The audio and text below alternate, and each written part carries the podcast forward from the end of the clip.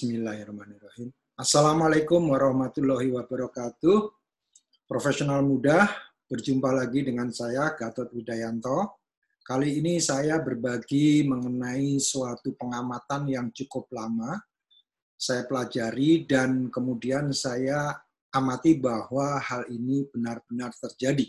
Jadi ini suatu pengamatan dan saya pernah melakukan sharing ini ke teman-teman saya di Teknik Industri ITB, uh, alumni Teknik Industri ITB tahun 79, mengenai bagaimana sebuah pemikiran yang sudah dilakukan sejak tahun 1960, lama sekali, kemudian bisa berkembang dan sampai saat ini masih terus berevolusi dan pemikiran itu luar biasa. Pemikiran tersebut dilandasi dari sebuah karya tulisan di majalah ya Harvard Business Review. Judulnya Marketing Myopia. Mungkin sebagian dari Anda sudah pernah mendengar istilah ini dan ini cukup populer. Karya Theodore Levitt, Ted Levitt. Uh, beliau sudah meninggal tahun 2006. Jadi dari tahun uh, kelahiran 1925.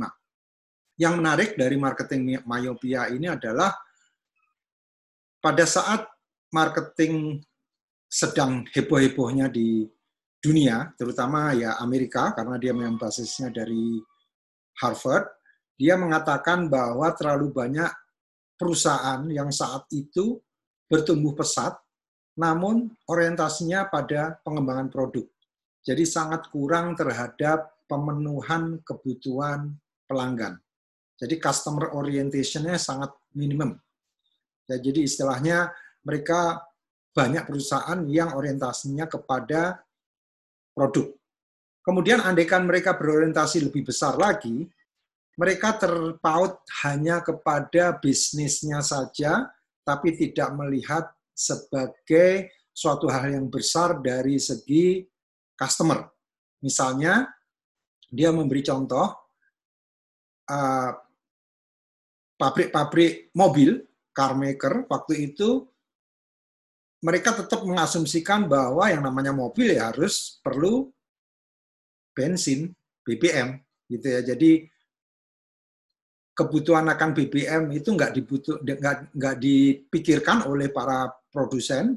Mereka lebih fokus kepada bagaimana menciptakan mobil yang lebih bagus, lebih bagus, tapi mereka melupakan bahwa customer itu sangat males mengisi bensin gitu ya. Jadi artinya si Ted Levitt waktu itu saja sudah mengatakan bahwa harusnya perusahaan-perusahaan seperti pabrik mobil, bahkan railroad, eh, perkereta apian, itu jangan short-sighted. Jadi mereka harus berpikir tidak pada bisnis atau industrinya, tapi mereka berpikir harus kepada hal yang lebih luas yang berputar pada customer. Misalnya, kalau dalam hal railroad industry atau perkereta apian, mereka terpaku hanya kepada railroad atau perkereta apian. Mereka nggak melihat sebagai transportation industry. Padahal kalau mereka melihat itu akan luar biasa.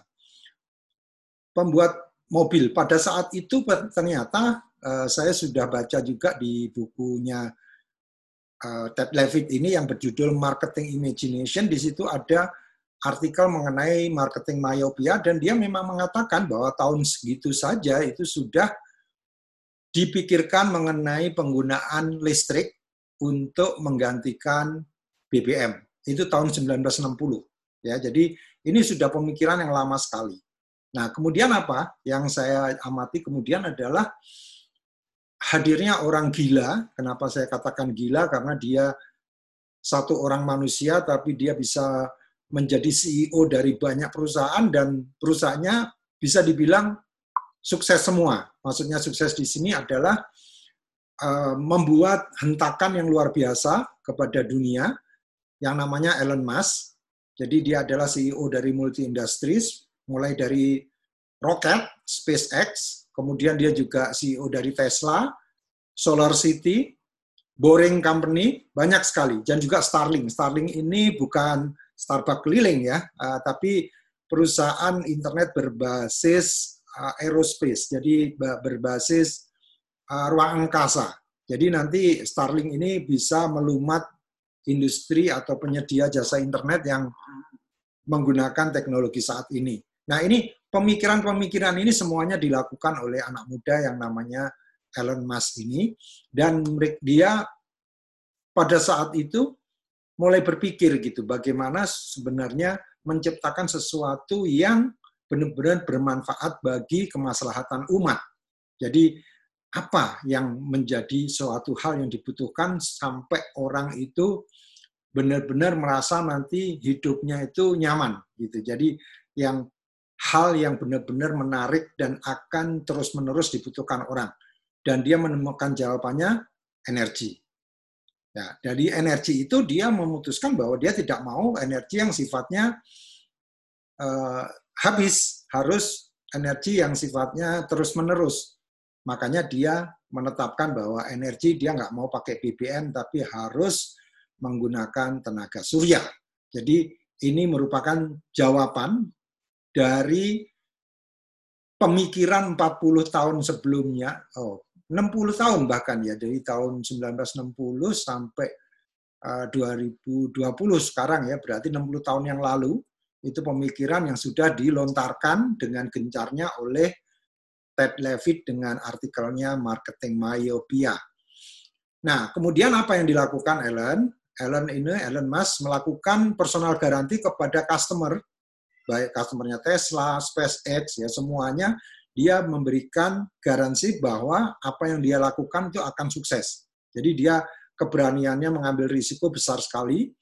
Kemudian dia termasuk atau tergolong orang yang um, apa yang dia katakan itu akan dia lakukan dan seberapapun duitnya dia akan spend duit itu di situ. Termasuk meyakinkan investor bahwa proyeknya dia pasti berhasil. Kemudian dia juga termasuk orang-orang yang orang yang mengambil atau mengimplementasikan impian-impian besarnya dan membuat orang lain itu percaya. Investor percaya, customer percaya bahwa yang dia pikirkan itu benar-benar layak untuk ditindaklanjuti. Makanya dia walaupun menggunakan juga uangnya sendiri karena sebelumnya dia juga sudah mengumpulkan uang dari sejarahnya dia di PayPal dan eh, dan perusahaan lain, kemudian dia habiskan uangnya di situ plus mencoba mencari investor lain dan investornya percaya. Nah, semuanya bermuara pada satu pertanyaan. What things would have the great impact on the future of humanity's destiny? Jadi apa satu hal yang benar-benar memberikan impact pada keberlangsungan kehidupan umat. Ini yang menjadi pokok pikiran dia dan menurut buku yang saya baca, biografinya dia Elon Musk, itu dia menyusun pertanyaan ini, bukan jawabannya, menyusun pertanyaan ini aja itu memakan waktu 13 tahun. Walaupun kelihatannya pertanyaan yang sangat simple, tapi kenyataannya dia butuh waktu lama dan dia menemukan jawabannya energi dan dia tindak lanjuti.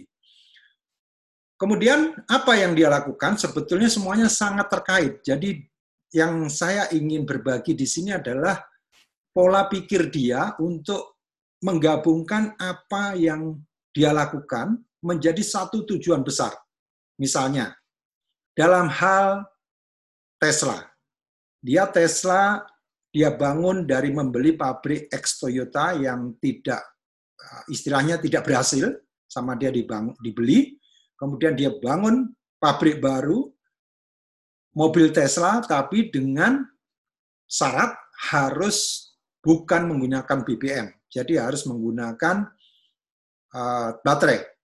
Ya, jadi artinya dia nggak mau lagi benar-benar dia menindaklanjuti energinya harus energi surya, nggak boleh energi yang berbasis fosil dia nggak mau. Nah, kemudian apa hubungannya dengan SpaceX? Kan itu kan roket ya. Ternyata dia ingin banyak belajar dari SpaceX, dari membuat roket, karena yang namanya roket itu pasti materialnya kuat, getas, dan juga ringan. Nah, itu kalau digunakan di mobil Tesla, diharapkan mobilnya nanti memiliki kecepatan yang tinggi. Karena mobil listrik biasanya dikaitkan dengan kecepatan yang rendah. Jadi dia impiannya belajar material engineering dari SpaceX. Kemudian dia juga membeli perusahaan yang sebetulnya bangkrut atau perusahaan kecil. Saya lupa apakah bangkrut atau perusahaan kecil, Solar City. Ternyata dia punya impian besar bahwa Solar City ini akan dia bangun menjadi sebuah perusahaan besar yang benar-benar spesialisasinya membuat rumah-rumah bertenaga surya dan menurut impian dia yang saya baca di bukunya dia ingin membangun semacam uh, coffee shop gitu, tapi sebetulnya di situ rumah-rumah untuk ngecharge mobil-mobil Tesla produksinya dia sambil orang menikmati kopi. Jadi di Amerika, untuk awalnya dia di Amerika, dia akan mencoba meng, me, membangun sebanyak mungkin distribution point yang pada dasarnya sebetulnya SPBU kita, jadi uh, apa stasiun-stasiun pengisian bahan bakar, dia pakai sebagai battery charging uh, house semacam itu, dan itu tersebar di seluruh Amerika. Dan banyak sekali, termasuk Boring Company, semuanya related satu dengan yang lain. Jadi saya ulang, ini sebetulnya suatu pertanyaan yang saya pengen sampaikan ke teman-teman profesional muda, cobalah juga Anda masing-masing menyusun suatu pertanyaan yang sudah dicontohkan oleh Elon Musk. What things would have the great impact on the future of humanity's destiny? Jadi apa hal itu yang memang benar-benar memberikan dampak luar biasa kepada kemaslahatan umat di masa mendatang? Kalau kita sudah basisnya adalah tenaga surya, ini semua datangnya energi dari Allah Subhanahu wa taala, tinggal bagaimana manusia bisa mengembangkan photovoltaic cells yang benar-benar bisa diproduksi massal bahkan ada teman saya yang bilang yang memang dia bidangnya di bidang uh, photovoltaik dia sedang mengembangkan uh, floater untuk uh, pengembangan tenaga surya ini untuk panel tenaga surya ini dia mengatakan bahwa yang menjadi tantangan memang bagaimana agar fotovoltaik atau tenaga surya ini bisa digunakan materialnya untuk bahkan bodi dari mobil itu sehingga kecepatannya sangat tinggi dan ringan gitu ya. Jadi uh, ngecasnya itu nggak perlu lagi seperti yang dikatakan Elon Musk tadi, yang rumah-rumah yang dibangun, dibangun oleh Elon Musk itu mungkin di masa mendatang nggak diperlukan lagi karena sudah di charge. Kemudian setelah di charge mobilnya sendiri sambil jalan kena matahari asal nggak hujan ya itu akan ngecharge dengan sendirinya. Ya, jadi ini suatu hal yang menarik karena suatu pemikiran yang dilakukan 60 tahun yang lalu ternyata ditindaklanjuti terus-menerus. Nah, profesional muda, Anda sebagai bisnismen, Anda sebagai profesional, saya berharap kita semua juga bisa melakukan seperti yang dilakukan Ted Levitt, Elon Musk ke depannya. Demikian, semoga sukses. Wassalamualaikum warahmatullahi wabarakatuh.